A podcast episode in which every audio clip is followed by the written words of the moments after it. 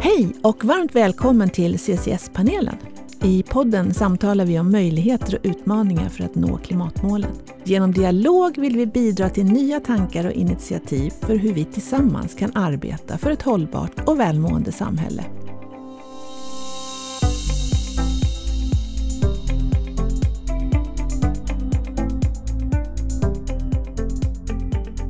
Jag heter Liselott Jernberg Beit och arbetar till vardags som kultur och hållbarhetschef på Granitor. Som programledare för CCS-panelen blandar jag och ger olika infallsvinklar på det som vi inom Granitor benämner som ansvarsfulla affärer. Det innebär att jag samtalar med människor som verkar inom olika discipliner och som bidrar med sina perspektiv på den omställning vi står inför om vi ska nå 1,5-gradersmålet. I dagens avsnitt samtalar jag med Ulrika Wallén som jobbar som policyexpert för högskolepolitik på Svenskt Näringsliv. Vi kommer att prata om den rapport som Ulrika skrivit och som publicerades i oktober förra året och som lyfter fram den kompetensbrist vi står inför i flera olika verksamheter och hur den kan komma att påverka den klimatomställning som vi i Sverige förbundit oss att göra. Hur ska vi få till det livslånga lärande som krävs för att vi ska vara aktuella i ett näringsliv som ställer allt högre krav på ny kompetens inom befintliga näringar, liksom ny kompetens inom näringar som kommer uppstå i takt med att vi ställer om. Där också förmågan till samverkan och samarbete kommer vara centrala. Och apropå samarbete, hur ska vi få till de samarbeten som är nödvändiga för att våra kommuner, såväl som våra arbetsgivare, betraktas som så attraktiva så att man antingen är beredd att flytta dit där arbetstillfällena finns eller bo kvar på studieorten efter genomförd utbildning. Det där blev ett ovanligt långt intro och det beror på att innehållet i rapporten är så väldigt omfattande och intressant. Ulrika, du är varmt välkommen hit. Stort tack Liselott! Du, kan du berätta lite om dig själv och om din väg till arbetet på Svenskt Näringsliv? Absolut. Jag har en bakgrund som forskare och lärare vid Handelshögskolan i Stockholm. Och jag disputerade ungefär för ganska exakt 19 år sedan. Och jag har jobbat med utbildningspolitiska frågor sedan dess i olika roller med olika perspektiv och infallsvinklar. Och jag har också arbetat med styrning, ledning och ledarskapsfrågor och jag har arbetat som managementkonsult på två olika bolag. Jag har arbetat på Utbildningsdepartementet, på Sveriges kommuner och landsting, numera Sveriges kommuner och regioner och på fackförbundet Civilekonomerna som gick ihop med Jusek och blev Akavia. Och nu är jag på Svenskt Näringsliv sedan drygt två år tillbaka. Oj, en, en lång och väldigt omfattande bakgrund, tänker jag, inför det jobbet som du har idag. Absolut. Mm. Vad tycker du är det roligaste med ditt jobb då? Mitt uppdrag handlar ju om att påverka politiken, regeringen och riksdag, så att näringslivet får en kompetensförsörjning som de behöver. Och då handlar det om att universitet och högskolor ska få de rätta förutsättningarna. Och att arbeta med komplexa frågor, eh, för företagen ska ju skapa vinst. Målet är vinst, medlet i verksamheten som sedan bidrar till välfärd i Sverige. Och sen att universitet och högskolor, de har ju en annan målfunktion, att de, målet är ju verksamheten och medlet är resurserna. Så att vara i den här komplexiteten, att påverka politiken och arbeta för näringslivets företag, det tycker jag är jättekul. Mm. Vad härligt. Mm. Du, jag är helt säker på att alla känner till Svenskt Näringsliv, men det kanske finns en bredd som inte alla är helt insatta i. Har du lust att berätta lite? Ja, och Svenskt Näringsliv företräder 49 bransch och arbetsgivarförbund som i sin tur har 60 000 små, medelstora och stora företag och som omsätter 2 miljoner medarbetare. Och 98 procent befinner sig i de här små och medelstora företagen.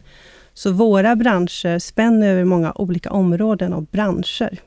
Jag förstår. Den här rapporten, den lanserades i oktober förra året.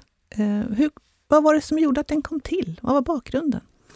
Men om vi börjar lite brett så är ju bakgrunden till rapporten Sveriges långsiktiga och ambitiösa klimatmål. Att senast år 2045 ska Sveriges nettoutsläpp av koldioxid vara noll och därefter ska Sverige vara klimatpositivt. Och att vi har de här långsiktiga nationella klimatmålen, det är någonting vi tycker är bra på Svenskt Näringsliv, som vi står helt bakom. Och det pågår också en strategisk klimatomställning i näringslivet. Inom många sektorer pågår teknikskiften och stora processer för att kraftigt minska koldioxidutsläppen. Och några exempel är stålproduktion med hjälp av vätgas, elektrifierade transporter och koldioxidavskiljning i cementframställning.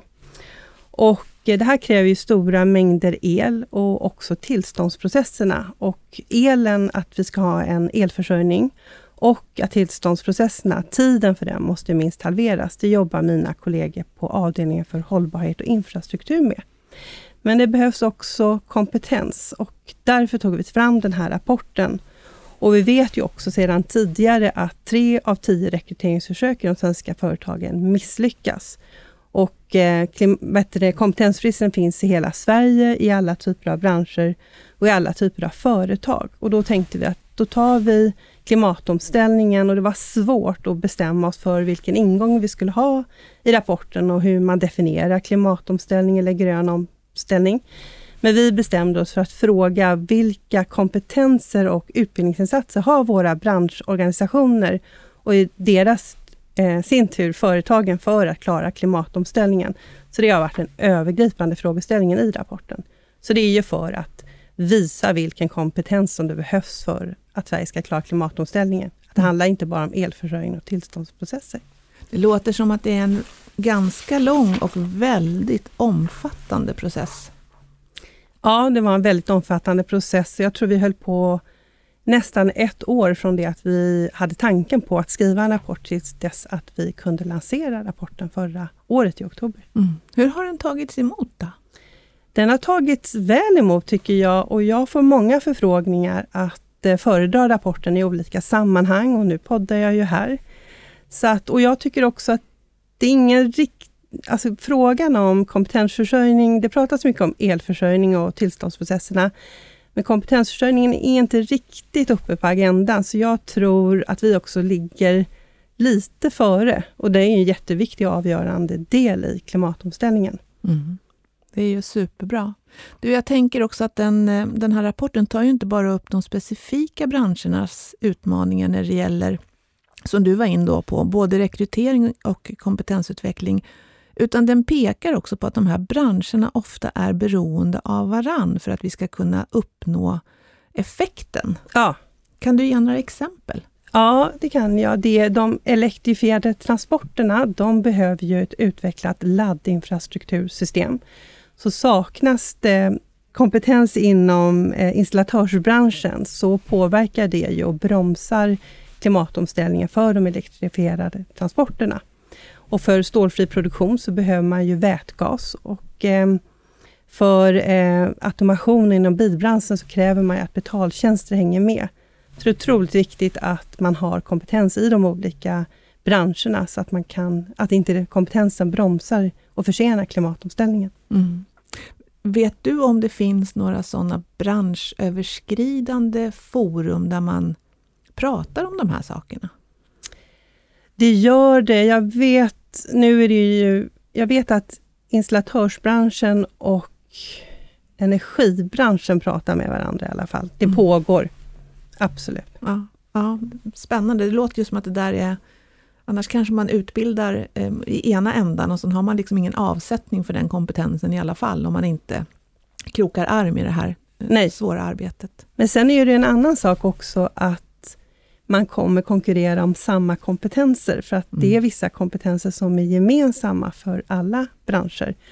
Och klimatomställningen pågår ju inte bara i Sverige, utan också i andra länder. Så det här kommer också bli en kannibalisering av kompetenser. Mm. Och då behöver man också jobba på det här med att man blir attraktiv både som arbetsgivare men också att man blir attraktiv som eh, område helt enkelt. Absolut. Så att inte folk flyr så att säga. Absolut, och mm. attraktivitet och vara en attraktiv arbetsgivare, det ansvaret ligger ju på våra branschorganisationer. Mm.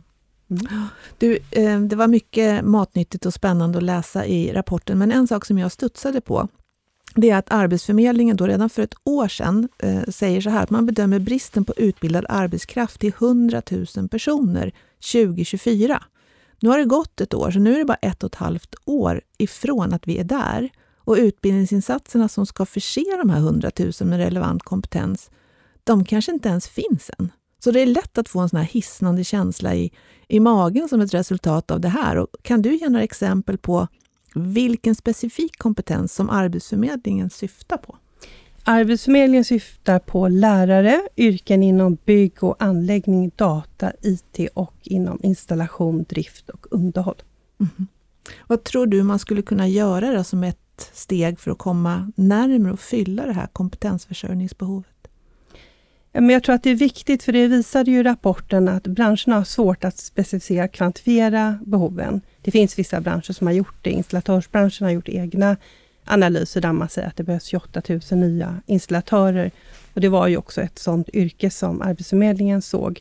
Men branscherna behöver ju göra mer av egna analyser så att man kan visa det för utbildningssystemet, utbildningsanordnarna, så att man kan möta, alltså så att utbildningsanordnarna kan möta efterfrågan i sitt utbud.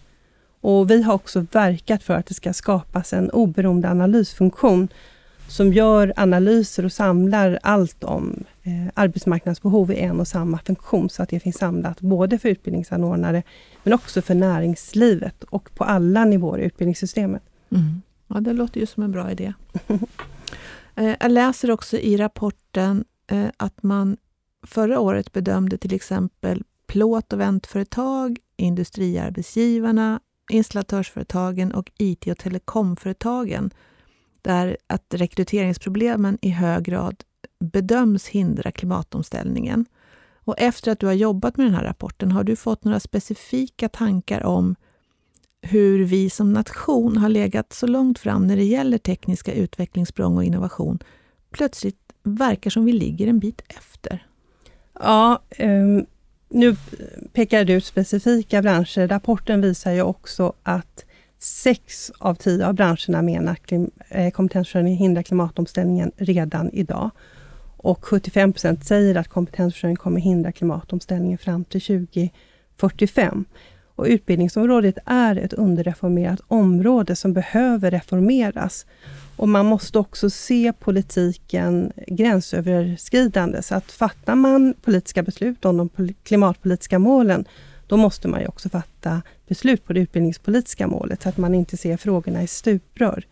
Så det är ett underreformerat område och vi har policyförslag i rapporten som har stöd i resultaten på hela utbildningskedjan. Det behövs forskning, det behövs att vi kan attrahera, rekrytera och behålla internationell spetskompetens.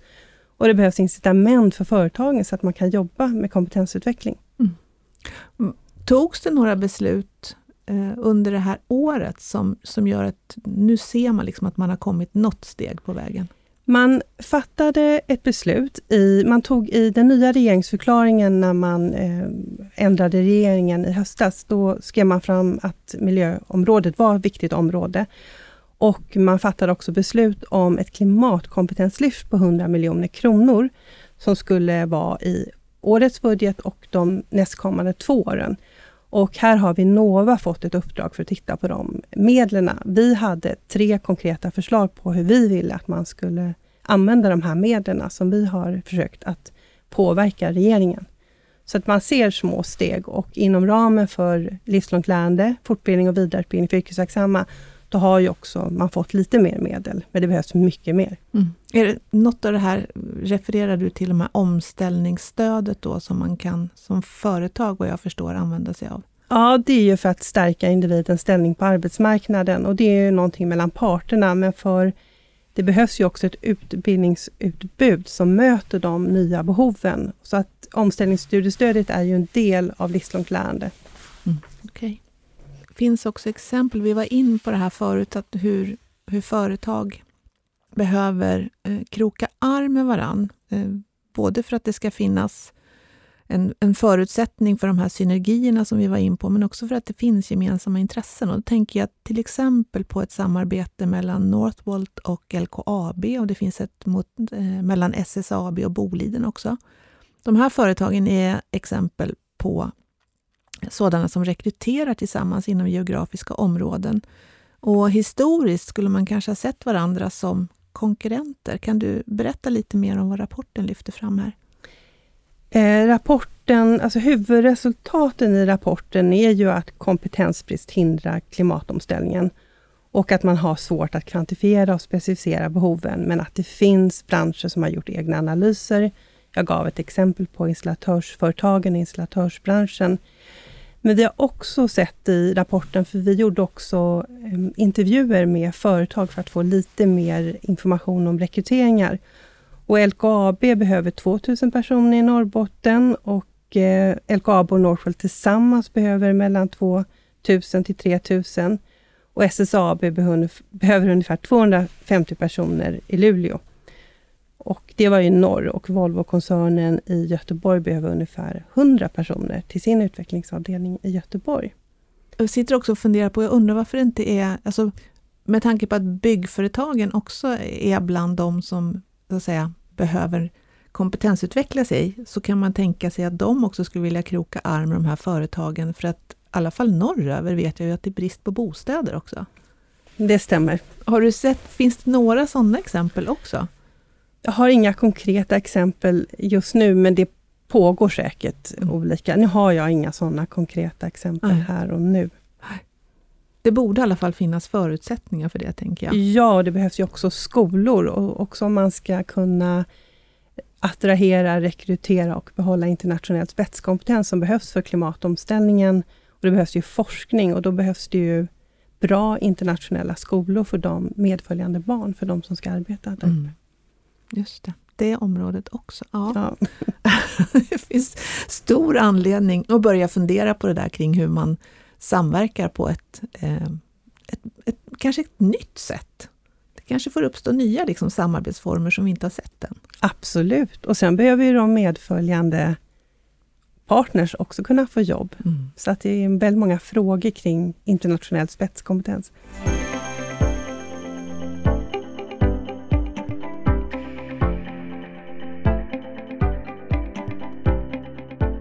Jag tänker så att hela den här rapporten känns som att den är liksom ett, ett enda stort beslutsunderlag egentligen. Mm, det har du helt rätt i. Ja, och då finns det ett antal möjliga reformer som skulle behöva göras för att stärka upp utbildningsväsendet. Och då pratar vi från egentligen grundskolan till högskolan. Hur har ni jobbat vidare då för att få till stånd de här politiska besluten som behövs? Nej, men dels så hade vi ju ett stort seminarium när vi lanserade rapporten och då hade vi ju politiker med på det seminariet. Och sen använder vi också rapporten och sprider den till politiker och vi har också gjort, som jag berättade, skrivit underlag till politiken vad gäller det här klimatkompetenslyftet. Men vad vi också har gjort är inom ramen för omställningsstudiestödet som du tog upp tidigare, där har vi tillsammans med PTK som organiserar de privata tjänstemännen, flera Eh, fackförbund. Där vi tillsammans skrivit ett underlag till politiken för vilka reformer man behöver vad gäller utbildningsutbudet på högskolan och yrkeshögskolan. Och det är ju ytterligare ett beslutsunderlag med reformer som också vi har i reformagendan för kompetensförsörjning för klimatomställningen. Så vi jobbar ju på olika fronter med olika utgångspunkter. Så vi driver ju den frågan på olika håll, skulle jag vilja säga. Mm. Och där vill vi ju tillsammans med PTK och LO vara med i underlaget också, att fortbildning och vidareutbildning för yrkesverksamma inom högskolan på kort sikt ska få mer resurser. Men på lång sikt så vill vi att det ska bli ett eget verksamhetsområde med en egen finansiering och ett eget regelverk. Men för att det ska bli görligt, då måste man utreda hela resursfördelningssystemet och det här är också underreformerat. Och därför vill vi att man tillsätter en utredning som tittar på hela resursfördelningssystemet, så att man ser på fördelningen mellan programutbildning och livslångt lärande. Mm. Och så vill vi också att det ska finnas medel för att universitet och högskolor ska kunna utveckla de här kurserna för yrkesverksamma, för de kommer ju behöva se något annorlunda ut än den programutbildning man har idag. För att fylla på de här utbildningsplatserna i den högre utbildningskedjan så har jag också läst, jag vet inte om det var bara er rapport, jag tror att jag stött på det på flera områden faktiskt, att eh, grundskolan behöver också reformeras därför att matematikkunskaperna är egentligen för dåliga. Mm. Det är väldigt tydligt för att eh, det får ju inte bli så att civilingenjörsstudenter har undermåliga förkunskaper i matematik så att man hoppar av civilingenjörsutbildningen. Och därför ser vi att man behöver insatser redan i grundskolan. Jag tror till och med att man skulle behöva göra insatser redan på förskolenivå, för att eleverna ska få bättre förkunskaper i matematik genom hela utbildningskedjan, från förskola, grundskola, genom gymnasieskolan och sen på högskolan. Mm. Och när vi förberedde det här programmet, du och jag, mm. så kom vi in lite grann på det här med lärstilar. Och det har legat mig varmt om hjärtat i mm. många, många år. Eh, har, är det någonting som du har kommit i kontakt med tidigare eller något som har uppstått som ett intresse hos dig utifrån den här rapporten, att man faktiskt lär sig också på olika sätt? Nej, alltså jag har inte funderat utifrån rapporten, eller, men kanske överlag att jag funderar och jag tänker att olika elever och olika studenter behöver olika eh, olika lär, alltså olika pedagogik för att klara målen. Och likvärdighet handlar ju om att man måste ta hänsyn till olika, vad olika individer behöver, så att det kan vara olika insatser för olika individer och det är ju en likvärdighet att det blir så. Så att jag tror att det behövs eh, olika, att man tänker på olika sätt för olika elever och studenter. Mm. Absolut. Och då är det spännande i sig, för då tänker jag, jag har snöat in på det här, jag har, har till och med gått någon kurs för jättelänge sedan, där jag lärde mig hur jag skulle diagnostisera då eh, olika, både inlärningsstilar men också hur man faktiskt lär sig i arbetslivet. Men då tänker jag, då är det en kompetens som behöver hänga med. Från det att man utvecklar pedagogiken i grundskolan så måste man kunna bemöta de här personerna då som lär sig matematik på ett annat sätt genom hela kedjan. Så att det blir liksom ett specifikt kompetensområde som behöver utvecklas. Ja, men det håller jag med dig om. Det tycker jag absolut. Och då skulle ju säkert basen för de som väljer tekniska yrken, den skulle öka mm, Absolut. Mm. Det håller jag helt med om. Mm. Spännande. Finns det några speciella framgångar som ni har sett under de här åren då, som du skulle vilja passa på att belysa när vi pratar om det här? Ja, jag tycker en framgång är ändå klimatkompetenslyftet med 100 miljoner kronor på en treårsperiod. Det tycker jag är en framgång. Mm. Men, och jag tycker också att en framgång vad gäller fortbildning och vidareutbildning för yrkesverksamma, det är ju ändå att det är en samsyn kring den frågan på, över hela politiska, olika politiska partier. Men sen måste man ju gå från ord till handling och det har jag en förhoppning att den nya regeringen kommer ta större kliv i de här frågorna. Men jag tycker att det är en större samsyn och jag tycker också bland lärosäten, KTH jobbar för att öka fortbildning och vidareutbildning för livslångt lärande från 0 till 20 procent. Man har tagit in sina strategiska partners för att diskutera hur man vill att den framtida civilingenjörsutbildningen ska se ut. Så att det pågår ändå olika... Jag tycker ändå att det är en front som flyttar sig. Mm. Det är härligt. Det mm. känns hoppfullt. Mm. Men det behövs mycket, mycket, mycket mer. Ja. Kan du identifiera någon sådär, bump in the road eller någon utmaning som känns att den där skulle jag vilja plana ut snarast? Nej men det är ju, det är ju hela resursfördelningssystemet för högre utbildning behöver reformeras och man behöver få eh, att livslångt lärande blir ett eget verksamhetsområde med en egen finansiering. Och att man också tar mer hänsyn till arbetsmarknadsbehov när man dimensionerar högskoleutbildning. Så att det, fyra av tio företagsrepresentanter tycker att högskoleutbildningens relevans brister i relevans. Så här behöver man göra mycket. Mm. Jag undrar om inte det här är generellt för hela, hela utbildningsväsendet, inte bara inom de tekniska utbildningarna. Jag tänker inom ekonomi och så överhuvudtaget, tror jag, att man skulle behöva se över hela utbildningssystemet. Absolut. Och det är det vi menar, att ett nytt resurstilldelningssystem skulle göra det. Mm. Och att man tar hänsyn till arbetsmarknadsbehov i högre grad. Och vi har också ett förslag som vi driver om en samverkansbonus som ska premiera de lärosätena som är duktiga på att samverka med näringslivet vad gäller olika dimensioner för att få till en bättre matchning mellan det som efterfrågas och det som sedan bjuds ut. Mm. För Sverige har också, eh, när vi dimensionerar högre utbildning, så tar vi främst hänsyn till studenternas efterfrågan och i lägre grad till arbetsmarknadens behov. Och där har vi gjort en annan rapport som tittar på hur Sverige står sig internationellt sett med jämförbara länder. Och länder som har tagit mer hänsyn till arbetsmarknadsbehov. De har också sett positiva effekter på etableringen på arbetsmarknaden.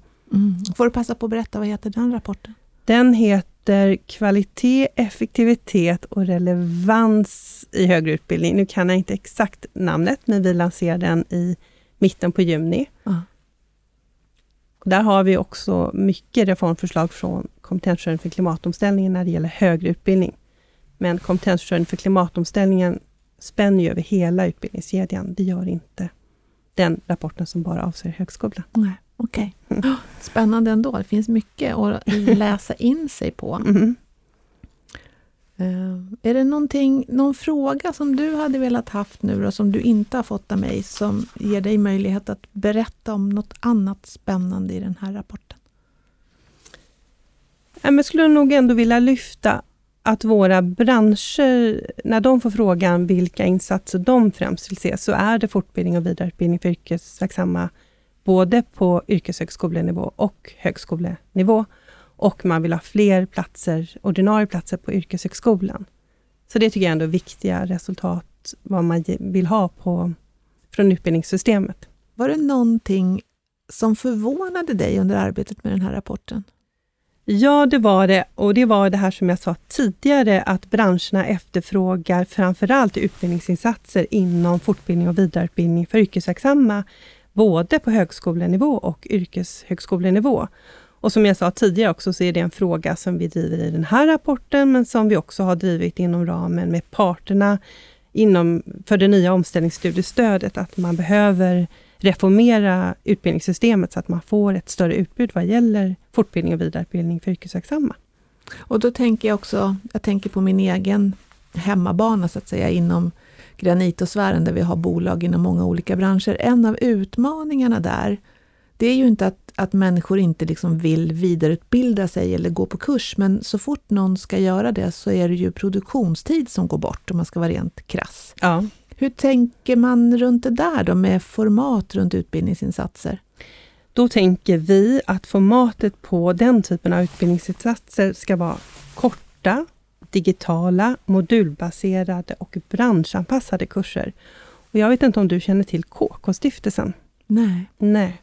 Och KK-stiftelsen tycker vi är jättebra, för att de fördelar medel till, tyvärr inte alla lärosäten, utan det är de yngre lärosätena, för det står det i deras stadgar. Men eh, deras, deras eh, när de fördelar medel så ska man samverka med näringslivet och kurserna är korta, digitala, modulbaserade. Och det tycker vi är jättebra. Så att KK-stiftelsen är en förebild för oss när vi tänker oss ett kursutbud för yrkesverksamma. Mm. Och det är ju jättebra. Det är ju, ligger ju också i linje. Jag tänker så här, vi har fått under pandemin så har vi verkligen fått träna på också att tänka på utbildning på ett annat sätt. Därför att vi har inte kunnat stanna av bara för att vi inte har kunnat ses. Nej, och vi har också det här att jag har sagt att vi vill ha ett reformerat resurstilldelningssystem. Och där vill vi också att när man gör den utredningen, att man tittar på vilka möjligheter har digitaliseringen? För det kan ju vara så att man kan ha ett mer differentierat högskolelandskap. Att alla universitet och högskolor behöver inte göra samma sak, utan en student som går på ett lärosäte skulle kunna gå på en kurs digitalt på ett lärosäte som är duktiga på en viss sak. Mm. Det är också spännande. Då provar vi plötsligt börja prata kanske samverkan mellan lärosäten också på ett helt annat sätt. Absolut. Mm. och det kan... finns eh, lärosäten som samverkar och har samverkansavtal jag vet att man har det i eh, Västra Götalandsregionen okay. sedan en tid tillbaka. Mm. Spännande. Mm. Tror du att de kommer... Lyfter man på sådana här exempel så att de kan få stå modell också för andra lärosäten, tror du? Om det är bra, goda lärandeexempel så kommer de ju definitivt göra det. Mm. Och det finns också lärosäten som är duktiga på samverkan med näringslivet, även om de här strukturerna på systemnivå för arbetsmarknadsinflytande saknas i Sverige, så finns det ju lärosäten som är jätteduktiga på samverkan. Mm. Sen finns det ju också stora arbetsgivare som har egna gymnasieskolor, egna yrkeshögskoleutbildningar och så vidare. Tror du det kommer att öka i, med den här efterfrågan? Ja, det kan det nog göra. Mm. Och då kommer man att kunna se att det kommer att finnas medel också för att öka upp antalet platser antagligen. Säkert. Jag är mm. inte helt rätt person på att svara på Nej. det. Men... Men jag vet att ni tog upp det i rapporten att man skulle behöva ekonomisk kompensation. Om man skulle tänka sig att ett sådant initiativ uppstår och så kanske man inte fyller utbildningsplatserna så behöver man som utbildningsanordnare ändå få någon slags bidrag så att man inte behöver lägga ner. Ja, precis. Och det är, ja, precis, det, är det policyförslaget vi har om spetsutbildningar som näringslivet efterfrågar, men som inte har så många sökande och som, precis som du säger, inte är lönsamma. De måste man säkra upp så att de inte blir en brist i framtiden, absolut. Mm. Jag tänker också på, du har ju ett spännande förflutet. Du har jobbat som managementkonsult och du har jobbat inom ledarskap och så här. Hur tänker du då runt vad ska man säga, den förändringen som behöver komma till runt det här? Kan, tänker du någonting runt beteendeförändring eller eh, de rent liksom mänskliga principerna i hela det här arbetet? Jag tänker att man behöver ett ledarskapsutvecklingsprogram där både ledningsgrupper och stödfunktioner ingår. För att stödfunktioner ska ju leverera bra underlag till ledningsgrupper. Och att man har med både vad och hur-frågor för att verkligen fråga sig, vad är det vi ska åstadkomma? Vad är vi till för i den här förändringen som sker? Och det är ju ungefär det som KTH faktiskt gör. Att man tittar på det som sker i omvärlden och vad behöver vi göra för att ställa om för att bli mer relevanta i den arbetsmarknad och de förändringar och samhällsutmaningar som sker. Och det tror jag man behöver ha mycket mer på alla nivåer i utbildningssystemet. Mm. Och på alla nivåer i samhället, tänker jag, för det här ja. med omvärldsanalys, omvärldsbevakning, det har ju blivit, eh, från att det har varit, jag ska inte säga långsamma processer, men det har ju ändå, man har ju ändå kunnat liksom sköta det på ett strukturerat sätt. Nu känns det ju nästan som man får jobba med från omvärld till invärld på daglig basis för att hålla sig uppdaterad? Absolut. Vad jobbar du med just nu? Då? Finns, är det fortfarande att eh, liksom påverka utifrån den här rapporten eller har du satt tänderna i någonting nytt? Jag satte tänderna i något nytt och vi hade ett lanseringsseminarium för någonting som heter Högskolepejl. Och det är en sajt som visar eh, olika högskoleutbildningar, program och inriktningar, deras arbetsmarknadsutfall, sett som etableringsgrad och medianinkomst för respektive lärosäte. Och det syftet med att vi gör det, det är ju att visa potentiella högskoleunderbörjare hur det ser ut. Men det är också ett verktyg för opinionsbildning. Så det lanserade vi för två veckor sedan. Så det är också ytterligare ett underlag för att påverka politiken. Men det här året har vi kraftsamlat kring högre utbildning och forskning. Så vi har tagit fram många underlagsrapporter med olika problembeskrivningar, med policyförslag. Så att när den nya regeringen är på plats, då ska vi presentera en reformagenda för högre utbildning och forskning. Så att mitt arbete kommer handla väldigt mycket om att påverka politiken med de problembeskrivningar och reformförslag som vi har tagit fram. Så du står nu verkligen i och liksom trampar lite så här, kan de komma på plats då? Ja, ja. absolut. Mm. Och man kan ju redan nu påverka, för nu vet vi ju i alla fall vilka förslag det är på riksdagsledamöterna mm. i utbildningsutskottet. Mm. Härligt. Eh, det börjar bli dags att runda av den här podden. Eh, jag skulle vilja tacka dig Ulrika för att du ville komma hit och hänga här i studion med mig idag. Och varmt lycka till med det fortsatta arbetet. Det ska bli, jag tänker i alla fall hänga på låset och titta på vad ni, hur ni lyckas och vad ni kommer att, så att säga, reformera eh, utbildnings, ja, utbildningsväsendet. På vilket sätt det här kommer att påverka. Det ska bli superspännande. Eh, tack också till dig som har lyssnat. Jag rekommenderar varmt att du går in på Svenskt Näringslivs hemsida och eh, tittar på både den rapporten som jag har satt tänderna i och eh, den andra rapporten som Ulrika refererade till. Jag hoppas att du, liksom vi, lämnar det här avsnittet med en känsla av hopp över alla möjligheter och potentiella jobb som ligger runt kröken. Och visst, vi är inne i en stor omvälvande förändring och med tanke på lågkonjunkturen som nafsar oss i hälarna så tycker i alla fall jag att det är hoppfullt att vi ser så många möjliga nya arenor. Det finns möjlighet till många nya jobb, nya samarbeten, ny möjlighet för Sverige att utveckla lösningar som kanske kan exporteras till andra delar av världen också. Eh, jag landar i att eh, den positiva skillnad jag kan göra till vardags i alla fall, det är att hålla fast vid det här med hopp och hoppfullhet och söka mig till sammanhang där jag tillsammans med andra kan konkretisera några insatser som gör faktiskt skillnad. Eh, en av mina tidigare gäster, Per Larsson, sa så här, använd samhällsutmaningar som vägledande principer, så håll blicken på möjligheterna. Alltid på möjligheterna. Och de orden har jag verkligen burit med mig när jag har läst den här rapporten, Ulrika. Och jag har tänkt så att är det några lärare eller några professorer som läser den här, så borde det verkligen börja kittla i hela kroppen av alla möjligheter det finns att faktiskt få göra mer, bidra på en ännu liksom, högre nivå. Ännu mer. Ja, vad säger du Ulrika? Ska vi, ska vi tacka för oss för den här stunden? Säger Absolut. Jag skulle vilja avsluta med ett citat från rapporten som ja. jag tycker är ett viktigt budskap. Och det är att vi skulle önska att politiken i högre grad kunde se klimatfrågan i flera led hur andra politikområden, som utbildningspolitiken, påverkar möjligheten till en lyckad omställning. Och det är en av våra branschorganisationer som har sagt i enkäten. Det var väl ett jättebra citat att avsluta med. Tack! Då säger vi tack och så säger vi hej till er som har lyssnat. Hej då! Hej då!